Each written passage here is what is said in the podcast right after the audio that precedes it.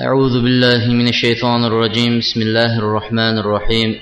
إن الحمد لله نحمده ونستعينه ونستغفره ونعوذ بالله من شرور أنفسنا ومن سيئات أعمالنا. من يهده الله فلا مضل له ومن يضلل فلا هادي له. وأشهد أن لا إله إلا الله وحده لا شريك له. وأشهد أن محمدا عبده ورسوله. أما بعد السلام عليكم ورحمة الله وبركاته. Alloh subhanahu va taoloning go'zal ismlari oliy buyuk sifatlari bilan bugungi shanba kungi darsligimizni bo'lib ham yangi kitobdan boshlayotgan darsligimizni alloh subhanava taoloning o'zining roziligi uchun bo'ladigan alloh sevib qabul etadigan darslar qatorida qilishligini allohdan so'raymiz. Avvalo o'zimga qolaversa barchamizga manfaatli qilishligini alloh taolodan so'raymiz. Bu kitobdagi bo'layotgan aytilayotgan darsliklarimizdagi qaysi xato bo'lsa u mendan va shaytondan va qaysiki to'g'rilik bo'ladigan bo'lsa u faqat alloh subhanava taoloning tavfiqi va in'omi bilan ekanligini e'tirof qilamiz. Bugungi boshlamoqchi bo'lgan yangi kitobimiz imom buxoriy rahmatulloh alayhning odobga taalluqli bo'lgan hadislar to'plamidagi adabul mufrat kitobidan dars boshlamoqchimiz inshaalloh. Biz buxoriy rahmatulloh alayhni kitobidan dars boshlar ekanmiz.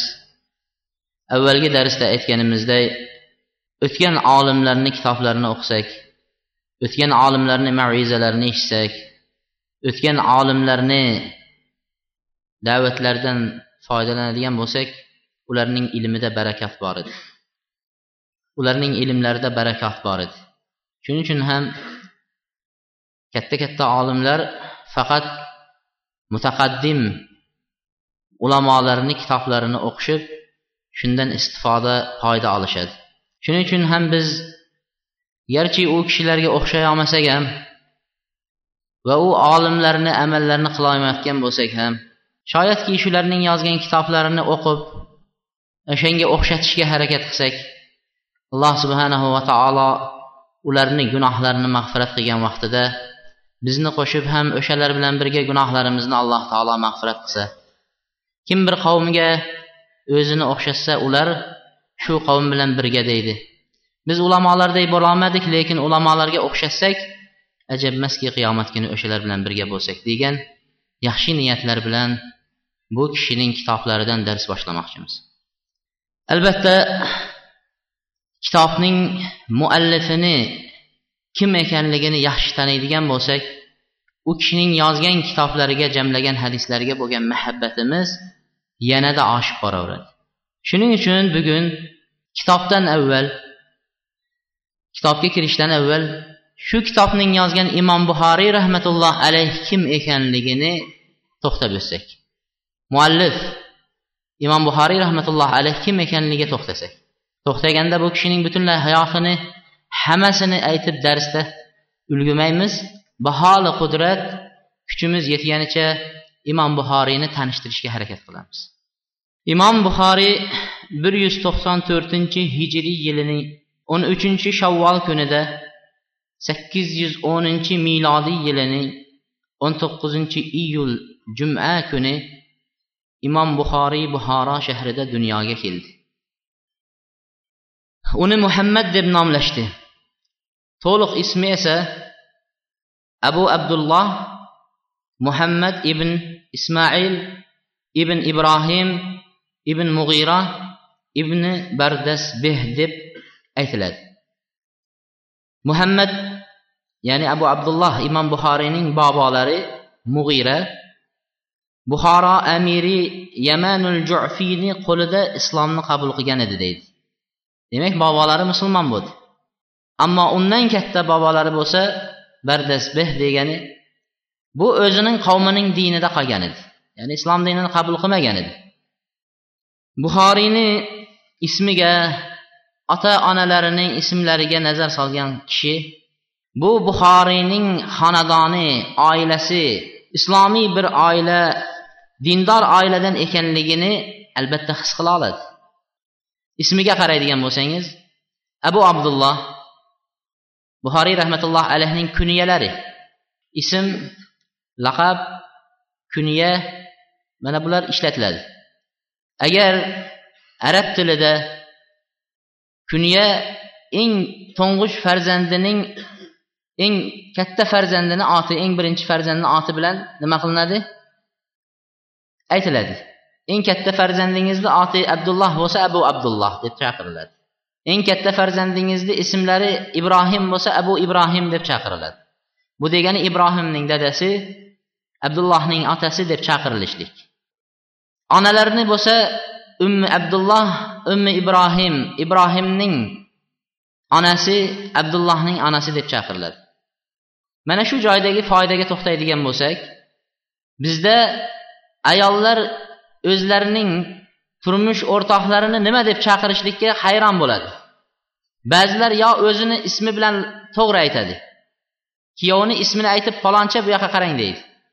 Ba'zilar hurmat bobidan misol abdulloh bo'lsa kuyovining oti abdulloh aka bu yoqqa qarang deydi. Bu noto'g'ri narsa.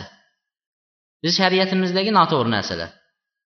Va ba'zilar bo'lsa eng katta farzandi kim bo'ladigan bo'lsa o'shani ismi bilan. Fotima bo'lsa ayol kishi kuyovini chaqirayotganda ham fotima bu yoqqa qarang deb chaqiradi.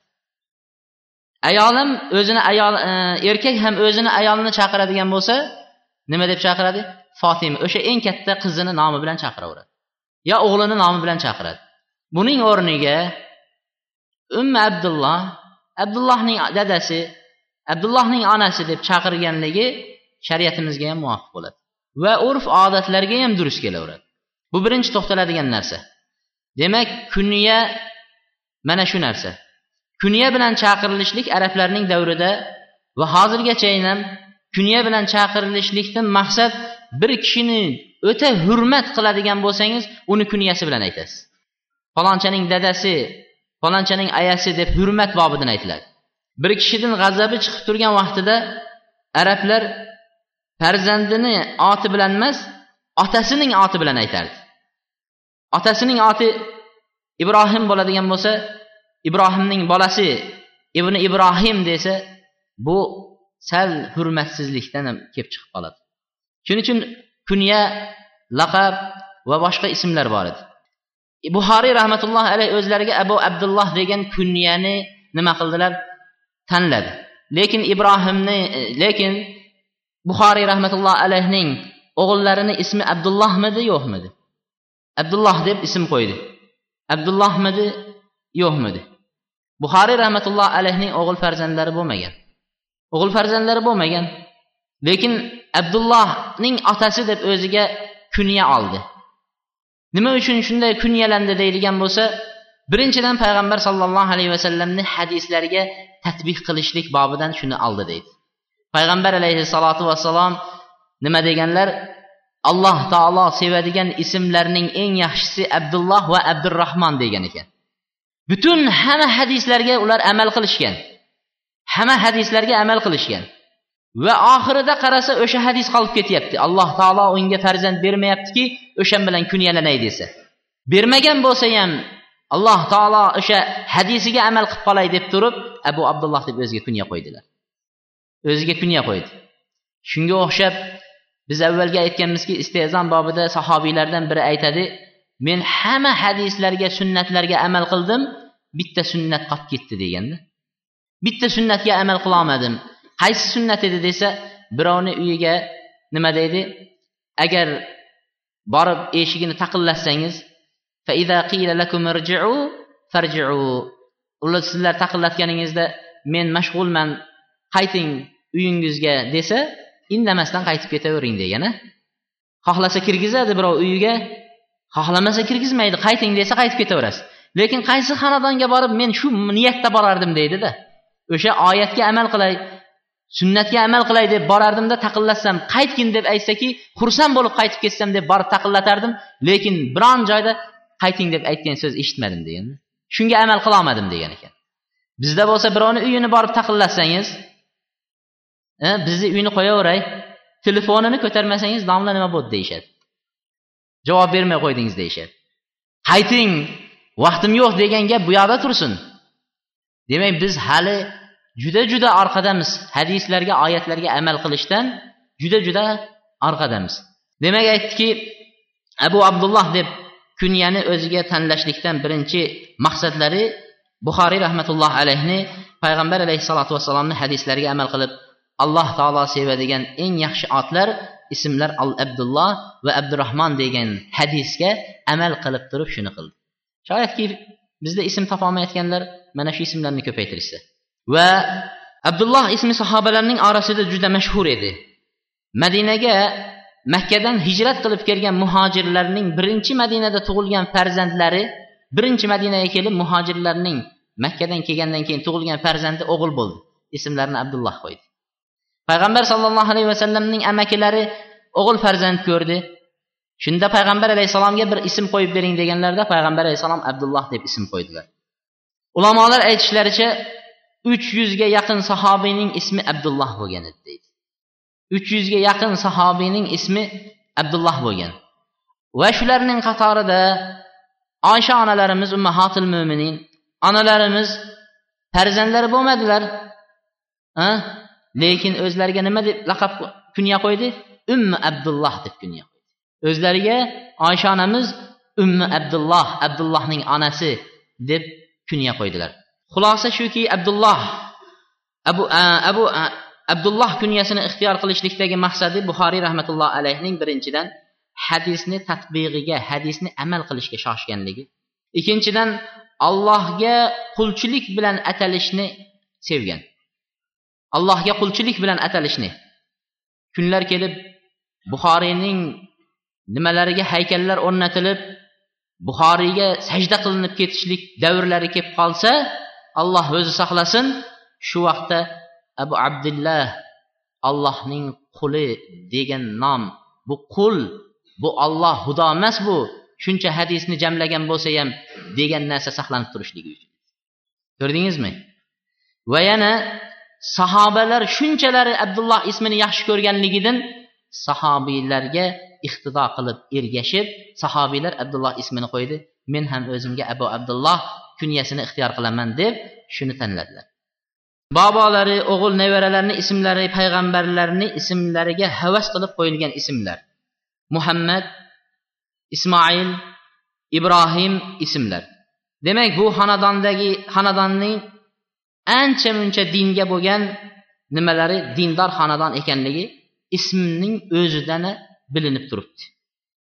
Endi shu nuqtada buxoriy rahmatulloh alayhning qanaqa xona otalari musulmon bo'lganmi onalari musulmon bo'lganmi uning oilalari musulmon bo'lganmi degan savolga ismining o'zi dalolat qilyapti.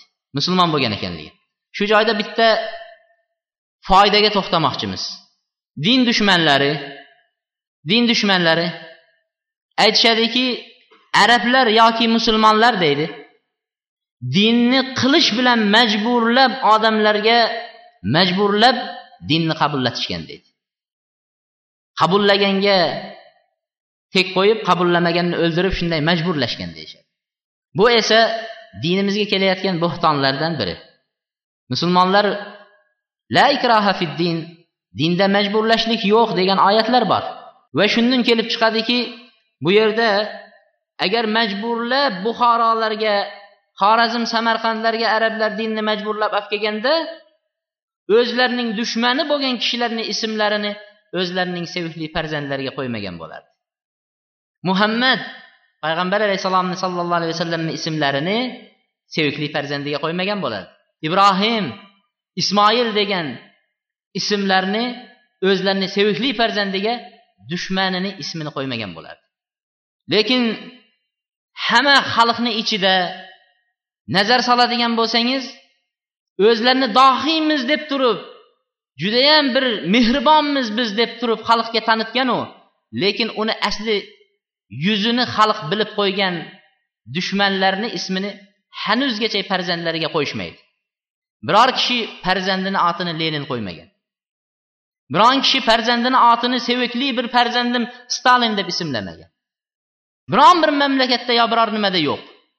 Lekin ular o'zlarini shunchalik podshomiz deb turib nima qilgan bo'lsa ham ularning adolatsiz ekanligi va dushman xalq dushmani ekanligi ma'lum bo'lib qalblarda nafrat uyg'otgan. Shuning uchun qo'yishmagan. Shuning uchun bilamizki bizga din olib kelganlar majburlab olib kelmadi dinni. Biz sevib xursand bo'lib qabul qildik. Alloh hidoyati bilan tavfiqi bilan. Demak buxoriy rahmatulloh alayhning dadalari ismoil hammod ibn zayddan hadis eshitganliklarini rivoyat qiladi va ibn muborak abdulloh ibn muborak bilan ikki qo'llab ko'rishganliklarini ulamolar rivoyat qiladi. Bundan kelib chiqdiki buxoriyning dadalari ham ancha muncha muhaddislar bilan birga bo'lgan. Va bir talay hadis ahllari bilan birga hurmat qilib ularni majlislarida qatnashgan kishi ekan. Buxoriy otasi buxoriyning otasi ismoil buxoriy yoshlik davridayoq olamdan o'tdi. Buxoriy onasini qo'lida yetim holda ulg'aydi. Lekin shu dada o'tib musibat bo'lib turgan bir davrda ko'p o'tmasdan bolaning yoshlik chaqaloqlik davridayoq buxoriy rahmatullohi alayh ikki ko'zi ko'r bo'lib qoldi. Ikki ko'zi ojiz bo'lib qoldi. Onaning boshiga kelgan ikkinchi yana bir musibat edi. Allohning sinovi musibati yana buxoriyning nimalari ko'zlari ko'r bo'lib qoldi. Onasining ertayu kech qilgan duolari iltijolari allohga munojat qilishi sababidan alloh taolo ko'zini qaytarib berdi. Butun tabobat butun o'zining ojiz bo'lganligini ko'r bo'lgan ko'zni qaytarib bo'lmasligini e'tirof qilib turgan bir zamonda ona noumid bo'lmadi. Ona noumid bo'lmadi. Kechayu kunduz yig'ladi yolvordi allohdan so'radi alloh taolo ko'zini qaytarib berdi. Mana bu yerda siyara alamun nubalo kitobida muqaddimati fathul bariyning muqaddimalarida mualliflari g'unjorning tarix buxoro kitobidan va lolikoiyning sharh sunna kitoblarida naql qilib aytadi muhammad ibn ismoil yoshligida ko'r bo'lib qoldi. Onasi tushida ibrohim alayhissalomni ko'rdi deydi. Ibrohim alayhissalom unga qarata buxoriyning onasiga qarata aytdiki ko'p duoyingiz sababli ko'p ko'z yoshlaringiz sababli alloh taolo o'g'lingizni ko'zini qaytardi dedi. Tong otganda qarasa o'g'li sop sog' ko'zi ko'rib turgan holatda ko'rdi deydi demak o'sha narsani aytdi. Bizda ham onalar farzandlarini namoz o'qimaydigan bo'lsa orqalaridan bir marta ikki marta duo qilib bir marta ikki marta gapirishmas. To alloh hidoyat berguncha yolinib yolvorib ko'z yoshi qilib alloh taolodan farzandlarga hidoyat so'rashligi ayni kerak zarur bo'lib turgan bir amallardan. Onasi buxoriyni o'qitdi tarbiya berdi. Shuning uchun bo'lsa kerak har bir buyuk insonning ortida ona bor degan so'z yuradi. Har bir buyuk insonning ortida ona bor. Lekin hammamiz bilamiz har bir insonning orqasida ona bor ekanini onasiz inson dunyoga kelmasligini hammamiz bilamiz. Lekin bu yerda har bir inson buyuk bo'lavermaydi. Onadan tug'ilgan har bir inson buyuk bo'lavermaydi. Ba'zi insonlar bor undan hayvon yaxshidir. Ba'zi insonlar bor onadan tug'ilgan undan hayvon yaxshidir. Shuning uchun har bir buyuk inson bo'lishlik uchun ona ham buyuk bo'lishi kerak. Ona ham himmatli ona ham dindor ona ham xudojo'y ollohdan qo'rqadigan ona bo'lishligi. Agar ona farzandni to'g'ri tarbiya qilmasa yoki farzandini noto'g'ri tarbiyasiga sababchi bo'ladigan bo'lsa bunday onalar ona bo'lsa ham maqtovga sazovor bo'lmaydi. Bunday ona ona lekin uni maqtashga arzimaydi. Mana o'tgan zamonda bir o'g'ri o'g'irlik qildi deydi. Shunda podshoh farmon chiqarib falon o'g'rini tez tutib kelinglar dedi. Choparlar u yoqqa bu yoqqa yugurib o'g'rini topishdi. Olib keldi. O'g'irligini e'tirof qildi. Keyin aytishdi podshoh buyurdi qo'lini chopinglar. E'tirof qildi o'g'irlik qildi. O'g'rining jazosi qo'lini kesish chopinglar qo'lini dedi. Ijro maydoniga olib kelganida haligi o'g'il podshohdan bir iltimosim bor bajaring dedilar. Sulton aytdiki ayt nima iltimos dedi. Meni onamni ham shu maydonga olib kelsangiz meni qo'limni chopilishini onam o'z ko'zlari bilan ko'rsin dedi. Onasini olib kelishga buyurdi. O'g'rini onasini olib keldi. Onasini olib kelganda o'g'ri onasiga ishora qildi. Mushfiq bo'lib rahm shafqat bilan bolasining qo'lini chopilayotganiga ichi achib o'zini ko'rsatayotgan anani yaqinroq kelishga buyurdi. Ona o'z farzandiga yaqinlashganda qo'l oyog'i zanjir bilan kishanlangan farzand sakrab onasini tishlari bilan tishlab hayvon singari ozor yetkazishga harakat qildi. Odamlar darrov ajratib o'g'ri muttaham desak sen hali oqpadar ham ekansan deb koyidi shunda onam ham o'z nasibasini olsin dedi. Shunda aytdiki onangiz nima nasibani oladi o'g'irlikni siz qilgan bo'lsangiz deganida men yoshligimda qo'shnimning uyidan tuxum o'g'irlab kirib egnimga bekitib qo'rqa pisa o'tayotganimda onam egnimdan yashirib kelgan tuxumni olib menga bir jilmayib qo'ydi. Ertasiga yana shu hunarni qildim. Keyin kattaroq bir o'g'irlik qildim. Onam indamadi. Borib borib men o'g'irlikni kasb qildim. Meni onam menga o'g'irlikda ustoz bo'ladi dedi. Demak tarbiyasiga qaramagan ona hech vaqt maqtovga sazovor bo'lmaydi u agar ona bo'lsa ham. Biz o'tgan solihlarni buxoriy va undan boshqalarning onalarining hayotiga onalarining davriga qaraylik ilm talabida. Sufyon savriy rahmatulloh alayh buyuk muhaddislardan olimlardan bu kishilarning mazhablari bo'lgan lekin mazhablari inqiroziga uchrab faqat to'rt mazhab e'tirof qilindi. Ammo bularning ham o'ziga yetarli mazhab egalari. Sufyon savriy rahmatulloh alayh onalari bu kishiga qarab aytganki o'g'lim ilm o'rganing ro'zg'or tashvishlari bilan fikringizni chalg'itmang o'ylamang. Uyda onasidan boshqa hech kim yo'q ekan ro'zg'orga ro'zg'orni o'ylamang onam nima qilyapti deb chalg'itmang fikringizni. Men ip yigirib bo'lsa ham sizni ilm olishingizga ko'mak beraman dedi. Ip yigirib ip yigirib kiyim qilib sotib bo'lsa ham sizni nimangizga yordam beraman ilmingizga o'qishingizga yordam beraman dedi. Ahmad ibn hambal rahmatulloh alayhini aytadi u ham juda erta otasi vafot etib yetim qolgan ekan. Shunda aytadiki ahmad ibn hambalning o'zlari aytyapti meni onam men yoshim olti yoshda edi. Ertaman turg'izib erta saharda tahorat qildirib bomdod namoziga go'zal kiyimlarimni kiydirib masjidga olib kelib meni kirgizib o'zi esa masjidning bir pana joyiga o'tib meni kutib turardi deydi. Ana undan keyin muazzin kelib bomdodga azon etadi. Olti yoshar bolani muazzin kelmay turib masjidga ertamanda yetaklab kelgan ona o'g'ilni haqiqiy tarbiyasiga mashg'ul bo'lgan ona. Biz bolalarimizni olti yoshar bolamiz namoz o'qiyapsanmi? Ibodat qilyapsanmi degan so'roqni aytishga ichimiz achiydi. Bola yosh deymiz. Bolamizga ichimiz achiydi. Ertaman turg'izyapsa yotsin uxlasin deymiz. Ibn nujay nujiya ibn nujiya nomli nomi bilan tanilgan ulug' olim ali ibn ibrohim o'z davrining katta mufassir voizlaridan edi.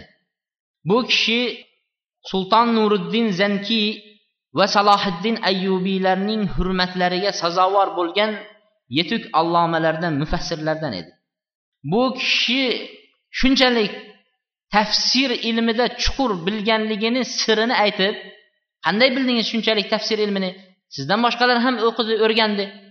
Qanday o'rgandingiz deb so'rashganda sir. Buning ham siri bor deydi men tafsir ilmini o'zimni tog'amdan o'rgandim. Tog'amning oldiga borardim. Bir surani tafsirini tinglab eshitardim keyin bo'lsa deydi uyga kelganimda onam darrov eshikdan kirishim bilan o'g'lim bugungi darsingizni aytingchi deb so'rardi. Men tog'amdan eshitganimni harfini ham qoldirmasdan nuqtasigacha onamga aytsam onam boshlarini chayqardida tog'angiz hammasini o'rgatmabdi deb aytardi. Nimaga onajon qayerdan bildingiz? desa tafsir ilmini men bilan tog'angiz bab barobar o'qiganmiz degan ekan. Tafsir ilmini men bilan tog'angiz barobar o'qiganmiz degan ekan. Va keyin aytar ekanki mana bu masalada ulamolarni yana qo'shimcha bunday bunday fikrlari ham bor o'g'lim bilib qo'ying der ekan. Tog'amning o'rgatgan darsiga onam qo'shimcha qilgan shuning uchun yetuk mufassir bo'ldim degan onalarning davrlari juda ham katta talabi ilmlarning olim bo'lib yetishishligi olimlarimizning onalari ham olim edi. Olim bo'lmasa ham taqvodor xudojo'y ilm ahlini sevadigan kishilar edi. Shuning uchun ular haqiqiy ilm ahlini sevgandan keyin alloh taolo ular sevgan farzandlarni ato etdi. Biz o'zimiz va ayollarimiz katta bir biznesmen bo'lishini sevamiz farzandimizni va katta bir boy bo'lishini sevamiz. Biz sevgan narsani alloh bizga ato etyapti. Farzandlarimiz ham uddaburon shunday bo'lib chiqaveradi. Lekin agar biz chin qalbimizdan dunyo bo'lmasin bo'lmasin boshqa bo'lmasin bo'lmasin lekin olim bo'lsin farzandimiz deb sevganimizda edi alloh taolo bizga sevgan narsamiz bergan bo'lardi. Hanafiy mazhabidagi tuhfatul fuqaho degan kitob bor. Tuhfatul fuqaho degan kitob. Buni muhammad ibn ahmad alauddin samarqandiy degan kishi yozgan. Bu tuffatul fuqaho kitobini yozgan kishining qizlari fotima binti alauddin degan fotima degan qizi bor. Dadalari tuffatul fuqahoni yozdi. Qizlari dadasidagi ilmni dadasidan shunday yodlab qo'ydi. Dadasidagi bor ilmni tuffatul fuqahoni dadasidan yodlab qo'ydi. Shunaqa olim yetildi. Bu kishining mana shu yozgan kitobiga abu bakr kasoniy degan kishi shogirdlari abu bakr kosoniy degan kishi sharh yozdilar. Bizning mazhabda imom azam rahmatullohi alayhi mazhablarida yetuk eng mo'tamad ishonishli kitoblardan biri shu sharhi badaius sanai.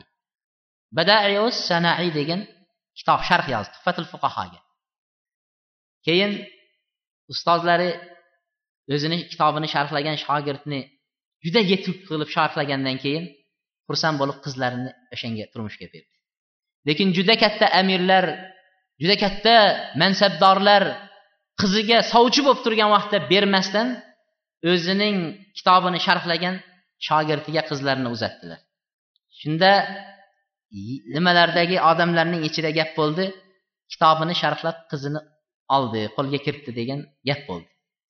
Aytmoqchi bo'lganimiz mana bu abu bakr kosoniyni shu zamonda hukmron qilib turgan amirlardan zinkiy degan podshoh halab suriya shahriga madrasada ta'lim berish uchun chaqirdi.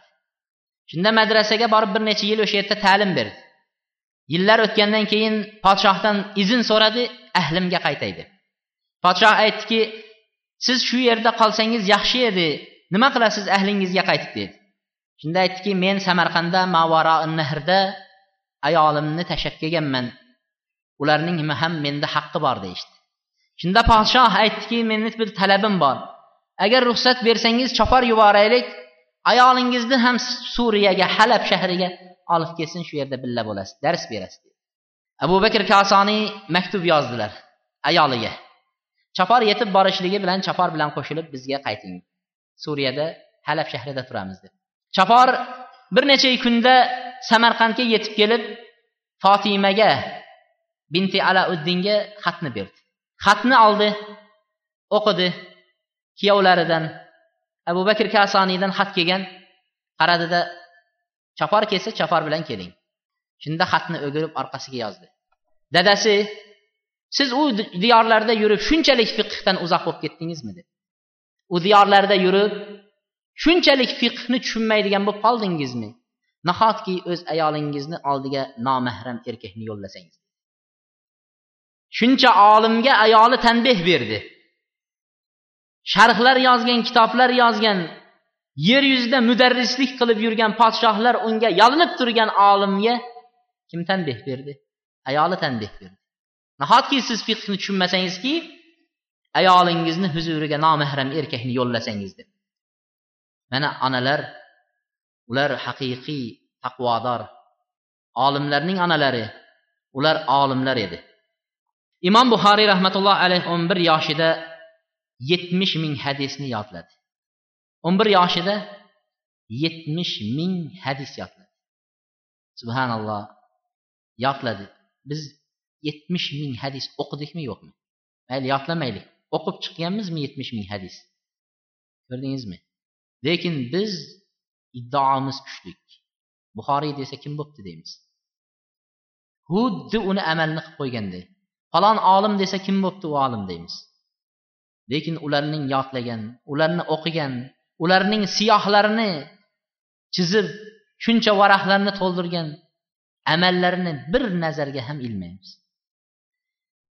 Fatvolarga keladigan bo'lsak alkash chalkash fatvolarni bemalol qo'rqmay beraveramiz. Shuning uchun imom ahmad rahmatulloh alayhidan so'ralganda nima deganlar? Yuz ming hadis biladigan odam muhaddismi fatvo beradimi deganda yo'q degan. Ikki yuz ming hadisni yoddan biladigan odam muhaddis deyilsa bo'ladimi fatvo bersa bo'ladimi deganda yo'q degan. Uch yuz ming hadis deganlarida qo'llari bilan mayli deganday rozi emas shunda ham qo'llari bilan mayli uch yuz mingni bilsa yoddan degan. Uch yuz ming hadis. Unda bizni hozirgi vaqtimizda og'zimizga tosh solib yuradigan zamon. Og'zimizga tosh solib so'rasa hech narsa bilmayman deydigan vaqtda turibmiz buxoriy o'n yoshida dohiliy degan olimni darslarga qatnasha boshladi. Bir kuni dohiliy hadis o'qiyotib sufyon abu, Zub, abu zubayrdan rivoyat qiladi abu zubayr ibrohimdan deb qoldi. Shunda buxoriy turib aytdi ustozga adashdingiz ey ustoz. Abu zubayr ibrohimdan rivoyat qilmaydi dedi. Shunda kitobiga qarasa kitobida haliginday yozilgan. Aytdiki buxoriyga sen adashyapsan dedi meni kitobimda yozilib turibdi. Abu zubayr ibrohimdan rivoyat qiladi deb turibdi dedi shunda buxoriy yo'q ustoz dedi asli nusxaga ko'ring dedi ichkariga kirib asli nusxaga qarasa buxoriy aytganday kitobida noto'g'ri chop etilgan. Chiqdida buxoriyga qarab ho'p bola dedi o'n yashar bola ho'p bola qanday bo'ladi to'g'risi dedi to'g'risi qanday bo'ladi deganda zubayr ibn adi ibrohimdan rivoyat qiladi dedi abu zubayr emas zubayr ibn adi ibrohimdan rivoyat qiladi. Ko'ryapsizmi? Lafzlarni. Ibrohimdan rivoyat qiladi deb xatosini to'g'irlab qo'ydi buxoriy rahmatullohi alayh. O'n yoshida ustozning xatolarini to'g'irladi. Imom buxoriy demak hadis to'rt besh hadisni yodlab olib qirq hadisni yodlab olib bo'ldi olim alloma. Yetuk zamonasini yetik yetishgan undan boshqa olimi yo'q kishiga aylanib qolishlik bu eng ahmoqlik bo'ladi. Eng ahmoqlik eng pastkashlik bo'ladi. Shuning uchun avvalgi zamonlarda ham besh olti hadis yodlab olib men muhaddisman men ahli ilmman mendangina fatvo olinadi boshqalardan fatvo olinmaydi deganlar ham ko'paygan ekan. Avvalgi zamonlarda ham. Shu zamondan hozirgi kungacha keladi ba'zilar o'zlarini besh olti hadis yodlab olib men muhaddisman deydiganlar. Mamun halifay mamun bu kishi missisa missisa degan joyga bordi deydi shaharga. Shu joyga borgan ekan halifani kelganini eshitib bir kishi qo'liga kitob qalamini ko'tarib halifani oldiga kirdi deydi. Xalifani oldiga kirib aytibdiki men muhaddisman. Umrimni hamma nimasini shu hadis ilmiga men bag'ishlaganman muhaddisman deb. Maqsad xalifadan ozroq pul undirish. Muhaddisman deb. Talabi ilmman xalifa buni maqsadini tushundi deydi. Maqsadini tushundida ho'p muhaddis falon temada falon mavzuda falon bobda qanday hadislarni bilasiz ayting dedi. Haligi odam lom mim deyolmadi. Halifaning o'zi o'sha bobga taalluqli bo'lgan o'n o'n beshta payg'ambar alayhissalomni hadislarini rivoyat qildi. Keyin aytdiki ho'p falon mavzuda boshqa mavzudagi mana mana nimalarga bir hadis ayting deb bobga haligi muhaddis biron narsani og'iz ocholmadi. Shunda halifaning o'zi yana hadislar aytib keyin aytdiki haliginga qarab ey inson to'rt besh hadis yodlab olib men muhaddisman deb halifalarning podshohlarning eshiklariga kirib pul undirishga uyalmaysanmi deydi to'rt besh hadisni yodlab odamlarni chalg'itib ahmoq qilib men muhaddisman men olimman deyishga uyalmaysanmi deydi ko'rdingizmi? Buxoriy rahmatulloh alayhi o'n besh yoshida onasi va akasi bilan hajga keldi. o'n besh yoshida. Buxoriyni onalari o'sha o'n besh yoshga makkaga kelganlarida makkada ilm talab qilishlik uchun tashlab ketdi. Shu joyidan ulamolar onasining xudojo'y ibodatgo'y ekanligini shu mavzudan olishgan. Qanday bu mavzuda onasini ibodatgo'yligi bilinadi desa onasi farzandlari yosh biri o'n beshda biri o'n sakkiz yoshda. Ha meni farzandlarim yosh ularni hali uylantiray joyli qilay. Hali hajga menga borroq. Keyin hammasini qilib bo'lganimdan keyin keyin hajga boraman. Hozirgi kunda bizdaya hajga bormaysizmi desa bolalarim bor uylantiradigan deydi. Hajga bormaysizmi desa bolamga imorat solib berishim kerak joylashim kerak deyishadiya lekin buxoriyning ayoni onalari buxoriyni ayon onalari buni o'ylagani ham yo'q. Ikkita farzandni o'n besh yoshar farzandi balog'atga yetdi. Haj farz ekan allohning ibodatini ado etay deb hajga qarab tavakkal qildi. Shuni o'zi shoshib oshiqib allohni ibodatini ado etishga shoshganligi uchun ulamolar aytadi buxoriyning onalari ibodatgo'y ayol edi deyishadi. Lekin buxoriy rahmatulloh alayh o'n besh yoshida o'sha makkada talabi ilmda qoldi va onalari vafot etgunichayin buxoro shahriga qaytib kelmadi. Onalarini ko'rolmadi o'shandan keyin. O'n besh yoshida ayrilgan ilm yo'lida allohning yo'lida ayrilishdi. Shundan keyin onalarini diydorini to'yib ko'rmadi. To'yib ko'rgani yo'q. Lekin buxoriy rahmatullohi alayh onasining qilgan xizmatlari tarbiyalari ta'limlarini unutgani yo'q. Onalarining haqlariga ko'p duo qildi. Ko'p duo qildi. Hattoki birinchi yozgan kitoblarining qatorida birrul validayn degan kitob nomlab shu kitobga ota onaga ezgulik nomidagi kitob yozdi. Ota onaga ezgulik qilishlik nomida kitob yozdi. Va hatto sahih buxoriyda ham ota onalarga ezgulik qilishlik bobida bir bob ajratib qo'ydi. Va bugungi biz boshlamoqchi bo'lib turgan darsligimizning kitobimiz adabil mufratning ham birinchi muqovasiga birinchi varag'iga ota onalarga ezgulik qilish deb turib buxoriy keltirdi. Chunki onalaridan o'n besh yoshida ayrilib otalardan yoshlikda ayrilib qolgan buxoriy ularni to'yib to'yib zavqlanib ularning gaplariga to'ymagan ularning chehralariga boqolmagan buxoriy rahmatulloh alayh doim ularni eslab hadislarida ham mana shu narsalarni keltirdi. Ba'zilar ba'zi she'rini keltirgan qo'msab quvnoq damlarimni yoshligimga qaytgim kelur ayajon dadajon deb qayta qayta aytgim kelur o'g'lim desa anajonim labbay deya chopgim kelur. Nonushtaga choylar qo'yib issiq nonlar tutgim kelur. Mehr to'la yuzlariga to'yib to'yib boqqim kelur. Har buyurgan ishlarini erinmasdan qilg'im kelur. Oh nanglayin g'ariblik g'ariblikda o'lim bizni ajratdiku. Tong saharda haqlariga istig'forlar aytgim kelur degan baytni keltirdi. Bu buxoriy rahmatullohi alayh onalaridan yoshlay ayrildi. o'n sakkiz yoshida buxoriy rahmatullohi alayh ravzada oydin kechalarda at tarixul kabir kitobini yozdi. Ravzada payg'ambar alayhissalotu vassalomning ravzalarida tarixul kabir kitobini yozdi. Sahih buxoriy hadislarini to'plamini esa ulamolar aytadi. Buxoriy rahmatulloh alayh payg'ambar alayhissalotu vassalomning hadislarini to'plaganlarida har bir hadisda tahorat qilib ikki rakat namoz o'qib keyin hadisni yozgan edi. Shuning uchun u kishining hadislarida barakat bor. Shuning uchun u kishining kitoblarida barakat bor. Har bir hadisda allohdan barakatini so'rab allohdan yaxshiligini so'rab turib har bir hadisga hurmat qilib tahorat bilan betahorat emas tahorat bilan har bir hadisni ikki rakat namoz o'qib allohdan so'rab turib keyin subhanalloh. Buxoriy deymiz boshqa boshqa deymiz. Buxoriyda bunday hadislar bor deb qo'yamiz. O'zimiz kelsa yonboshlab qur'on o'qiymiz. O'zimizga kelsa hadislarni oyog'imiz bilan ham tepib o'tamiz. Bizda hadisga bo'lgan muhabbat payg'ambar alayhissalomni so'ziga bo'lgan muhabbatlar kamayib ketganligidan unga o'xshagan olimlar chiqmayapti.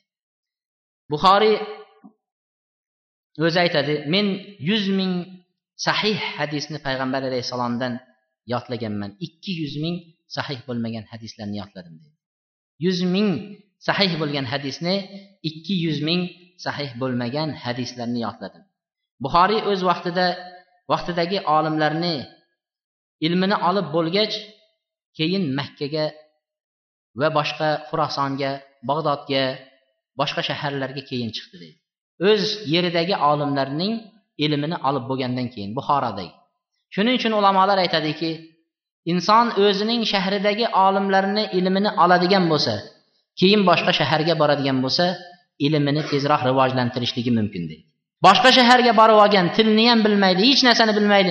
Borib olib endi u yerda alif ba ta deb boshlayotgan bo'lsa harfdan u odam zamonlar qolib ketadi o'rganishgunchayin ancha vaqt o'tib ketadi deydi. Shunga o'xshab o'z davrining olimlarini ilmini olib bo'lib keyin boshqa davlatlarga borib ilm oladigan bo'lsa o'z davr davlatidagi o'zining mamlakatidagi olimlarni qadr qimmatiga ham yetadi deydi. Qadr qimmatiga yetadi deydi. O'shalarning ilmini biladi qadrlaydi.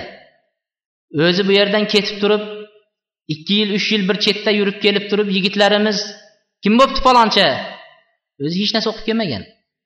Borib alfabetdan tushgan muallim sonini o'qigan arabistonga borib undan keyin endi grammatikasini o'qiyotganda qaytib kelgan. Na hadis o'qimagan na fiq o'qimagan. Qaytib keladida kelib turib bu yerdagi o'tilayotgan darslarni ustidan mulohaza yurgizadi. Va bu yerdagi odamlarga ham arabga borib kelgan hammasi olim bo'ladida borib shulardan fatvo so'rayveradi. Shuning uchun avvalgi olimlarning uslublari o'z diyorining olimlarini ilmini olib tugatib bo'lgandan keyin keyingi diyorga o'tishgan. Buxoriy rahmatulloh alayh buxorodagi ilmlarni olib bo'lganidan keyin undan keyin safarga chiqqan edi deydi.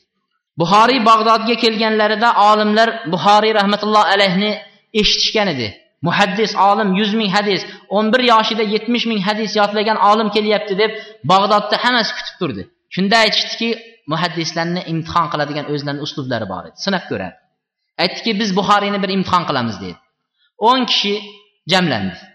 O'n kishi har bittasi o'nta hadisdan yodladi. O'nta hadisni rivoyat qilayotgan kishilari sanadi bilan hadisning matnini bir biriga chalkashtirdi.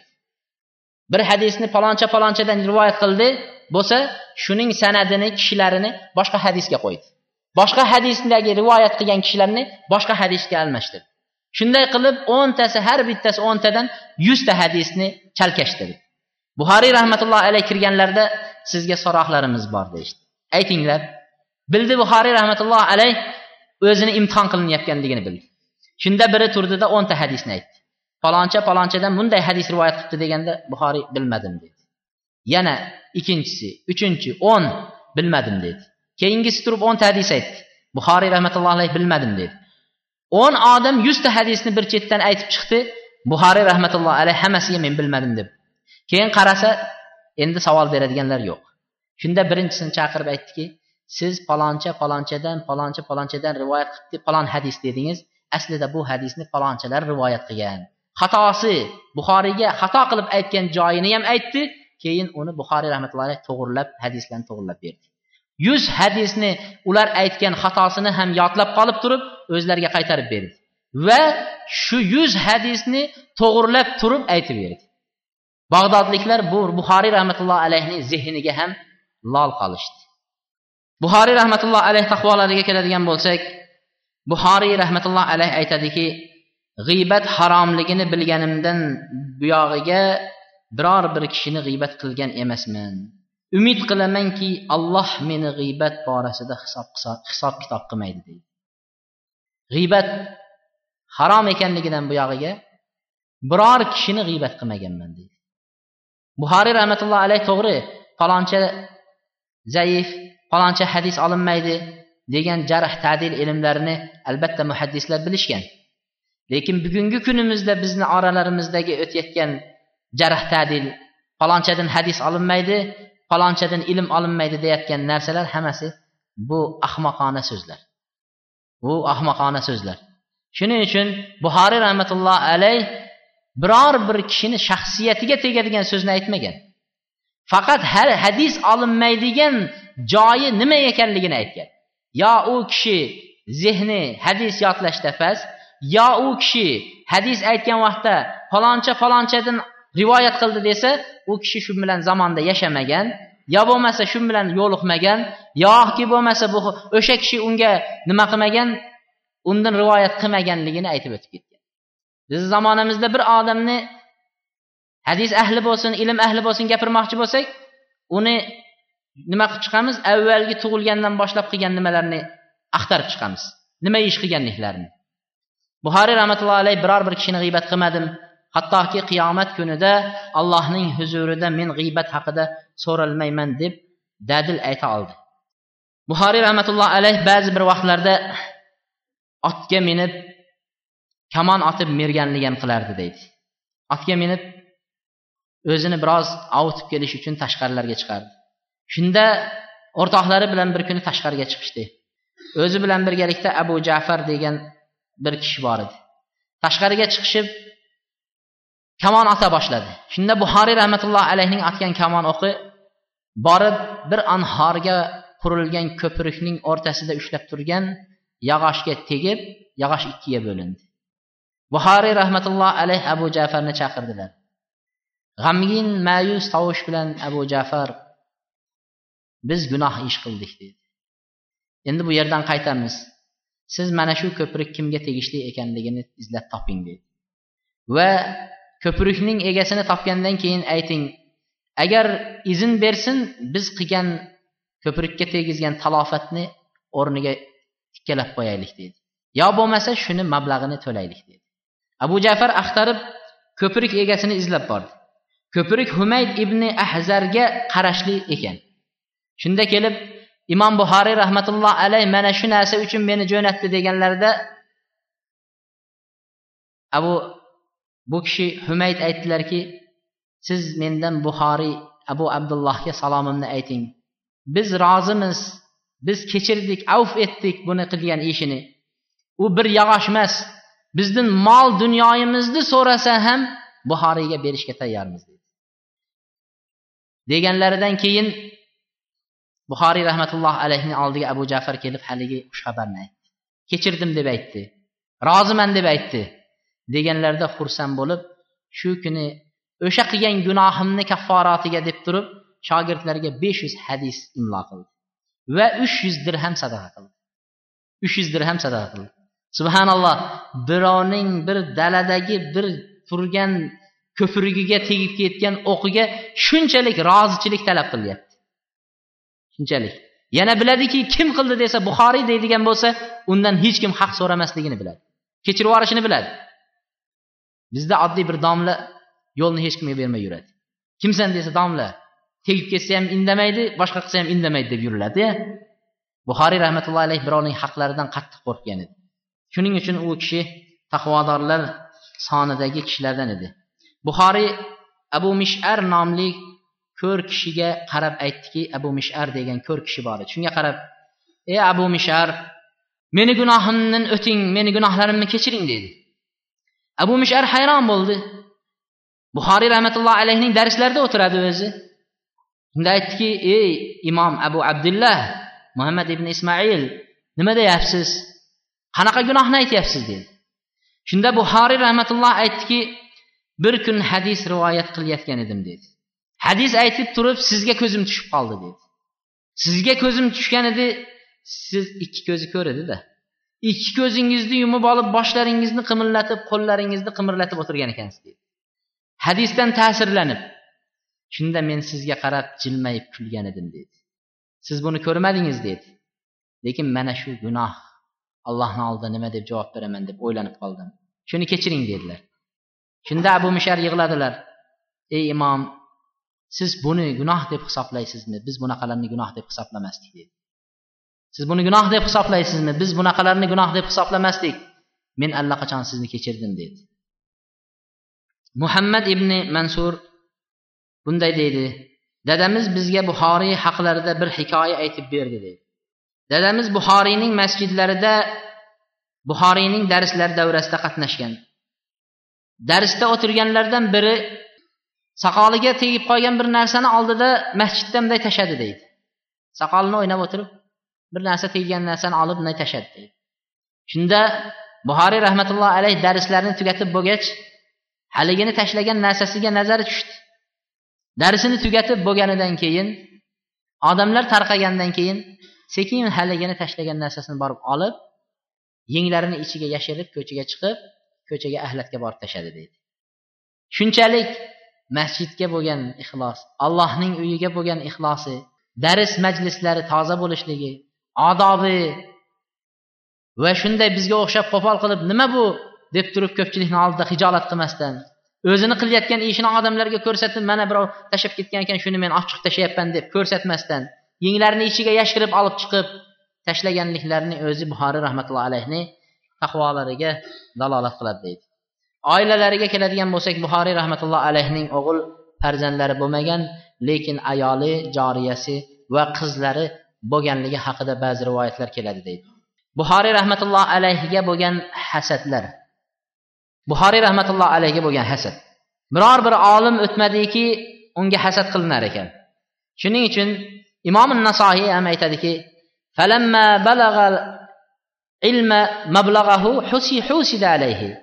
ilmni eng cho'qqisiga yetgan vaqtida unga hasad qiluvchilar topiladi degan ekan. Buxoriy rahmatullohi alayhi ham eng cho'qqisiga yetgan vaqtida hasad qiluvchilar topildi deydi. Hasad qachon paydo bo'lgan? Desa hasadning yoshi bizni yoshlarimiz odam odam zotini yoshi bilan teng ekan. Hasadning yoshi odam yoshi bilan teng ekan deydi. Hasad qachon paydo bo'ldi desa hasad alloh taolo odam alayhissalomni yaratayotgan vaqtida shayton hasadga homilador bo'lib qoldi deydi. Shayton hasad shaytonga keldi.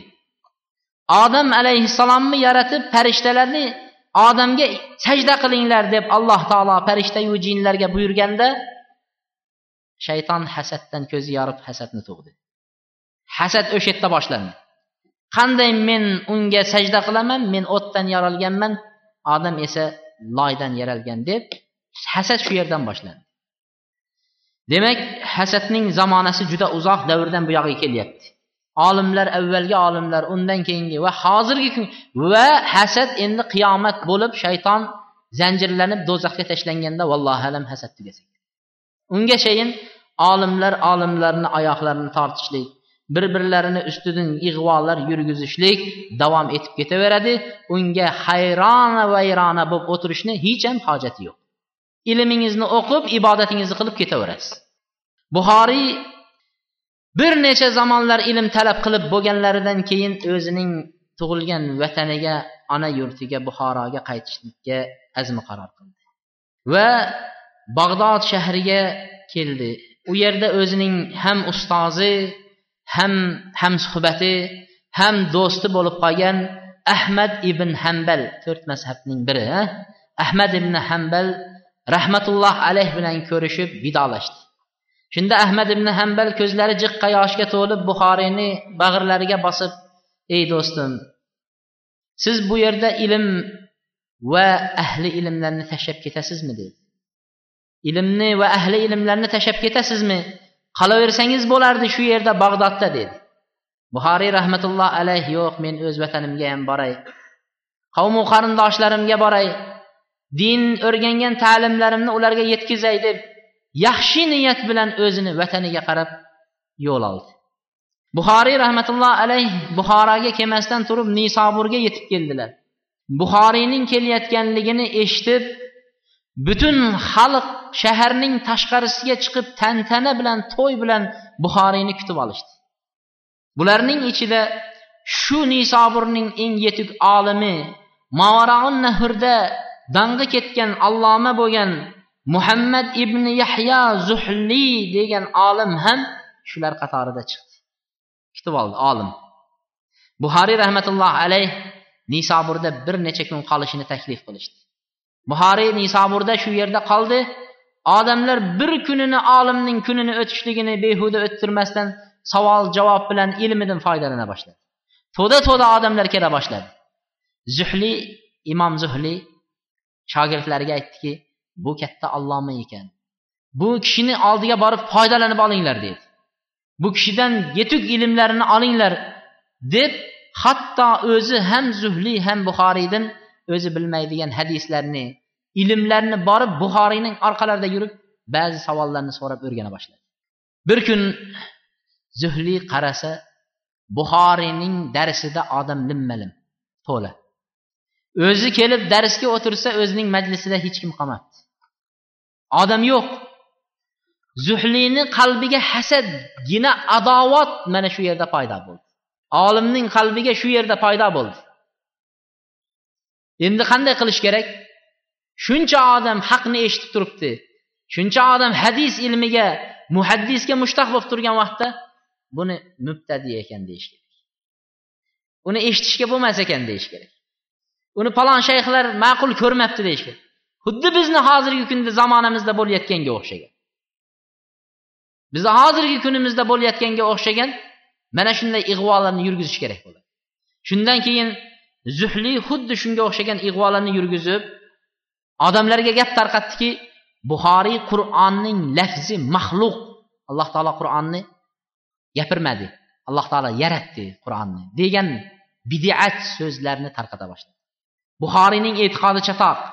Buxoriy adashgan kishi ekan. Ehtiyot bo'linglar buxoriydan degan so'zlarni tarqata boshladi.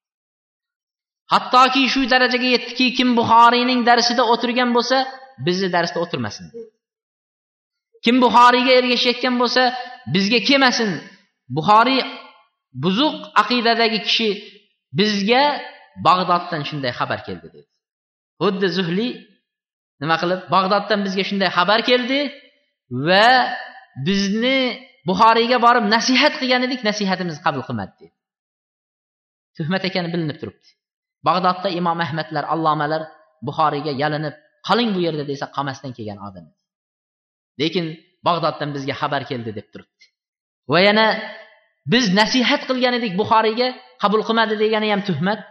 O'zi esa ilmi yo'q bilmaydigan narsalarni kecha kun kecha bir kun ikki kun avvaloq zuhriy nima qilyotgandi buxoriyni orqasida yurib ilmini olayotgan edi. Yolg'on tuhmatlarni yog'dirdi. Shunda buxoriyni oldiga bir shogirdlaridan biri kirib sizga til teggizayotgan bo'xtonchi zolimlarga duoibat qilsangiz dedi abdul majid ibrohim nomli kishi shunday deydi. Kelib bir endi sizni shuncha gapirib shuncha obro'lingizni tushirib shuncha tuhmatlar qildi. Qachongacha o'tiraverasiz endi? Bir duo qiling allohga yaqin kishisiz allohning avliyosisiz alloh taolo halok qiladi dedi. Shunda buxoriy rahmatulloh aytdiki men payg'ambar sallallohu alayhi vasallamni mana bu hadislarini eshitganman.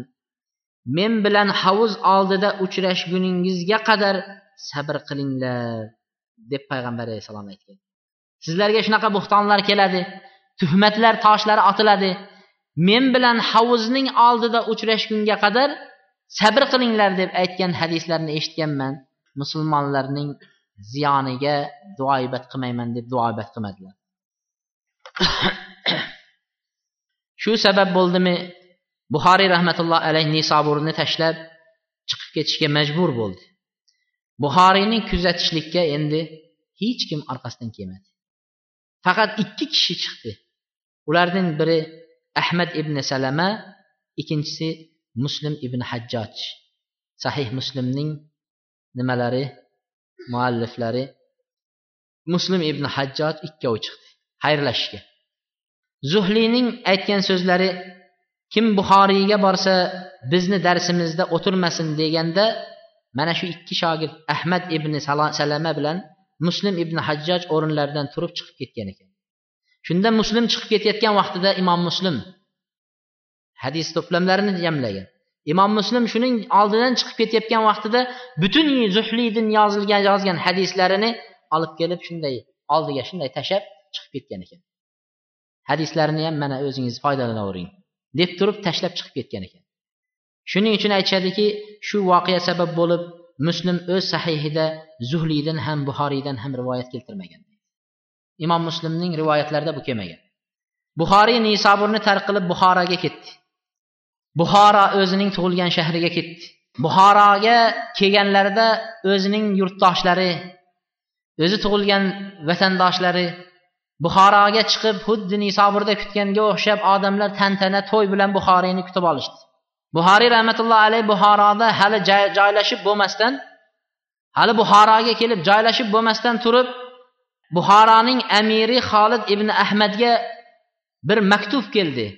Maktubda sizlarga borgan kishi sunnatga xilof ish yurgizadigan kishi ehtiyot bo'linglar degan xabar kelgan.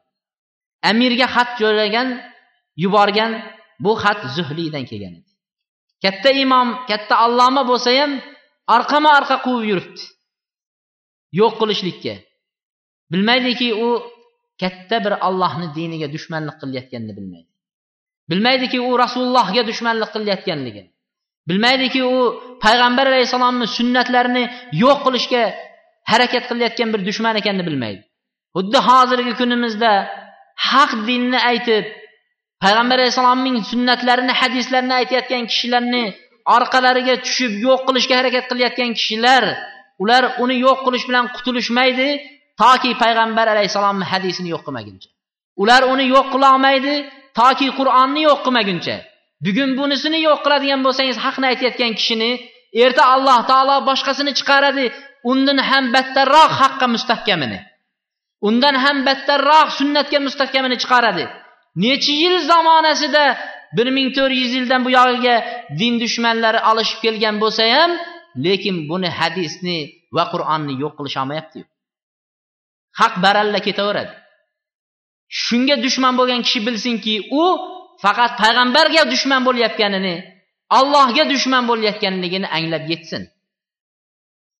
Xolid ibn ahmad buxoro amiriga xat maktub yo'lladi zuhli bu imomni ehtiyot bo'ling yo'q qiling degan maktubni yo'lladi.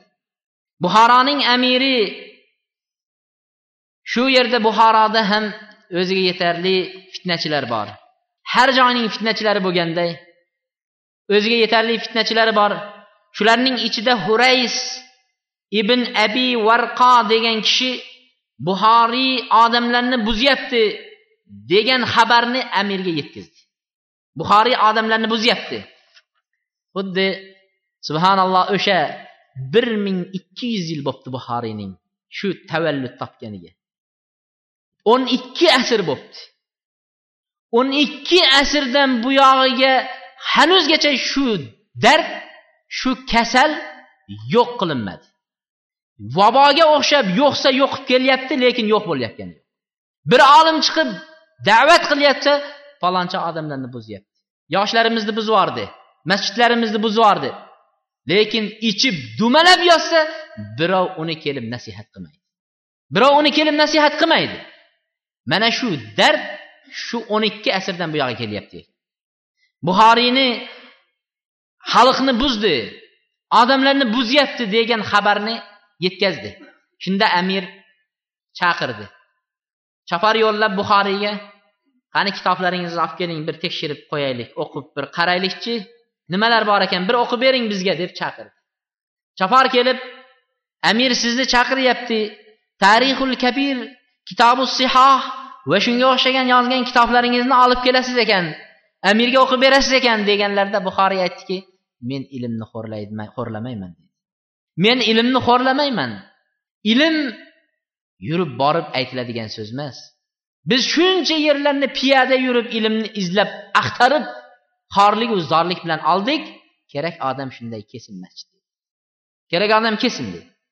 Bu xabar amirga yetgandan keyin buxoriy rahmatullohi alayhni buxorodan surgun qilishlikni farmon chiqardi. Buxoriy rahmatullohi alayh oltmish ikki yoshlarida buxoroni tark qilib samarqandga o'zining qarindoshlarining oldiga ketishga qaror qildi. Samarqanddagi hartan qishlog'iga qarindoshlarinikiga keldi. U yerga kelib buxoriy rahmatullohi alayhi kasallanib qoldilar. Va shu joyda xufton namozlarini o'qiganlaridan keyin alloh taologa iltijo qilib duo qilib ey bor xudoyo keng yer keng yer menga torliq qilib qoldi. O'zing meni o'zingni huzuringga olgin ey parvardigor deb duo qildi. Yerga sig'may qoldim. Nisoburga borsa quvildi buxoroga borsa quvildi. Yer yuzidan quvilib surgun qilinyapti. Shunda ey olloh yerga sig'mayapman. O'zingni huzuringga ol. Kichkina qabrga sig'in. Allohga duo qildi. Duo qilib bo'lib ham lablari tugab duodan to'xtamasdan turib buxoriy rahmatulloh alayhi canlarını Allah'a amanətlərini tapşırdı deydi. Buhari şənbə axşamı, Ramazan həyti keçəsi, dan namazı peytədə 256-cı 6-cı Hicri ili 62 yaşında aləmdən ötdü. Abdullah ibn Adəm Siyar Aləmun Nəbəlada İmam Zəhəbi mənə bu qıssanı keltirədi. Tüşümdə deyildi bu kişi aytədi Abdullah ibn Adəm deyən kişi aytədi. Tushimda men rasululloh sollallohu alayhi vasallamni ko'rdim deydilar. Rasululloh sollallohu alayhi vasallam bir joyda xuddi bir kishini kutayotganday turibdi. Yonlarida to'da to'da sahobiylar payg'ambar alayhissalomni atrofida turib birovni kutib turishibdi. Men payg'ambar alayhissalotu vassalomga salom berib assalomu alaykum ya rasululloh dedim. Payg'ambar alayhissalotu vassalom meniga alik olib alaykumussalom va rahmatulloh barakatuh deb javob qaytardilar. Yo rasululloh nega bu joyda tik turibsiz deb savol berdim? Payg'ambar alayhissalotu vassalom biz muhammad ibn ismoil buxoriyni kutib turibmiz dedi deydi. Mana shu voqeadan keyin buxoriy rahmatulloh alayhi vafot etganligini bilaman degan imom zahabiy siyara alam nubala kitobida zikr qiladi. Abu mansur g'olib ibn jibril xabarlarida buni ham imom zahabiy siyara alam nubala kitobida keltiradi. Buxoriyni hayit kuni dafn etganimizdan keyin deydi. Buxoriy rahmatulloh alayhni hayit kuni dafn etganimizdan keyin qabr oldiga kelib dafn etganimizdan keyin qabrdan juda xushbo'y hid tarqab ketdi buxoriy rahmatulloh alayhni dafn etgandan keyin qabrdan xushbo'y hidlar tarqadi. Shunda odamlar haligi qabrdan yana iskashib to'ymasdan qabrdagi turpoqdan hovuch hovuch olib xuddi misik atirlarining hidlari tarqaganday turpoqdan tarqadi haligi turpoqni olib ketsa uylarida ham xuddi shu miskning atirni hidini chiqarib turgan holatda hid turibdi. Bu hid bir necha kunlar zamon davom etdi deydi. Bir oy undan ziyod davom etib turdi. Odamlar kelishib to'da to'da qismlab turpoqlardan ola boshladi. Shunda iloji bo'lmaganligidan buxoriy rahmatullohi alayhining qabrlaridan turpoqlarni olib ketib qolmasin deb qabrlarini nima qilib qo'ydi? To'sib qo'yishdi deydi. Odamlar qabrga o'tmasligi uchun qabrini to'sib qo'yishdi deydi. Mana bu xabar yer yuziga tarqaldi. Buxoriy rahmatullohi alayhi vafot etibdi. Qabri bir oydan buyog'iga misk hidini tarqatib turibdi ekan degan xabar tarqaldi. Shunda buxoriyga dushmanlik qilgan fitnachi ig'vogar va mana shunga o'xshagan odamlar qabrini tepasiga kelib pushaymon qildi.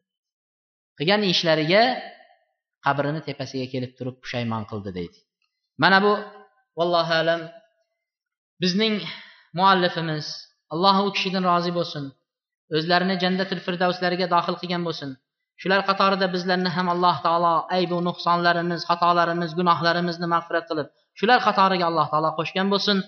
Bizni kitobimizning muallifi mana bu alloma taqvodor obid xudojo'y abu abdulloh muhammad ibn ismoil ibn ibrohim ibn ibn mug'iro ibn bardazbah rahmatulloh alayh. Biz bu kishining bugungi darsimizdan ikki yo uch hadisi bilan to'xtatamiz. Bugungi darsligimiz bugungi darsligimiz babu qavlillahi taala degan bob bilan boshladi deydi. Imom buxoriy birinchi bobni nima bilan boshladi? Birinchi temani ota onaga yaxshilik qilishlik bobi bilan boshladi. Yuqorida onalarini o'n besh yoshida ayriliq onalaridan ayrildi. Lekin shunday bo'lsa ham buxoriy rahmatulloh alayh har kitoblarida doim onalari qalbida turganligidan birinchi so'zni nimadan boshlardi? Onalarga yaxshilik qilish onalarga ezgulik qilish degan bobdan boshlab bizni kitobimiz adabil mufratni ham onalar mavzusidan boshladi. Ota onalarga yaxshilik qilish mavzusidan boshladi. Va bu bobga onalarga ezgulik deb salloha qo'ymasdan balki bu bob judayam ota onaga yaxshilik qilish farz va farzi ayn ekanligini bildirishlik uchun salloha qo'ysa bo'lardi ota onaga yaxshilik qilish deb. Unday qo'ymadida allohning oyati bilan salloha qo'ydi biz insonga vasiyat qildik ota onalarga yaxshilik qilishni vasiyat qildik degan oyatni shunday salloha qo'ydi oyat salloha bo'lgandan keyin demak bu judayam muhim ekanligini ifodalaydi. Biz ota onalarga yaxshilik qilishlikni vasiyat qildik deb alloh taolo aytdi. Alloh taolo aytdi.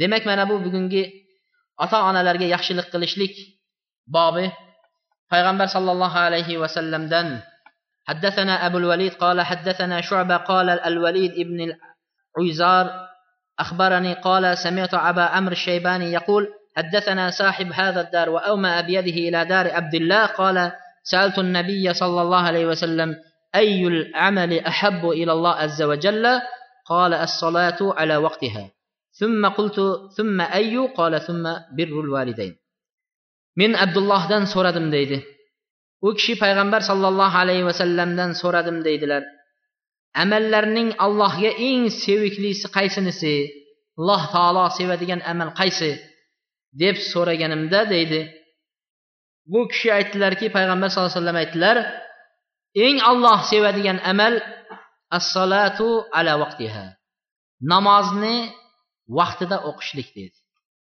eng alloh sevadigan amal namozni vaqtida o'qishlik.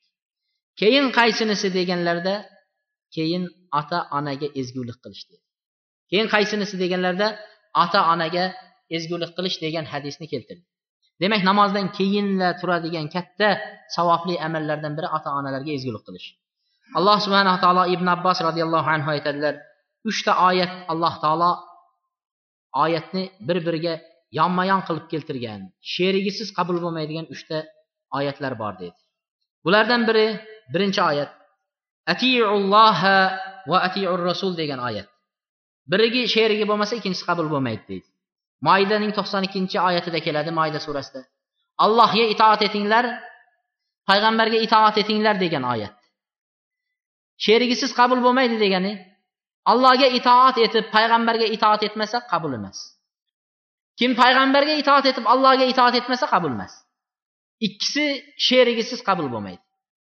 Amalim qabul bo'lsin degan kishi allohga itoat etadi payg'ambar alayhissalomga itoat etib ko'rsatganday qiladi.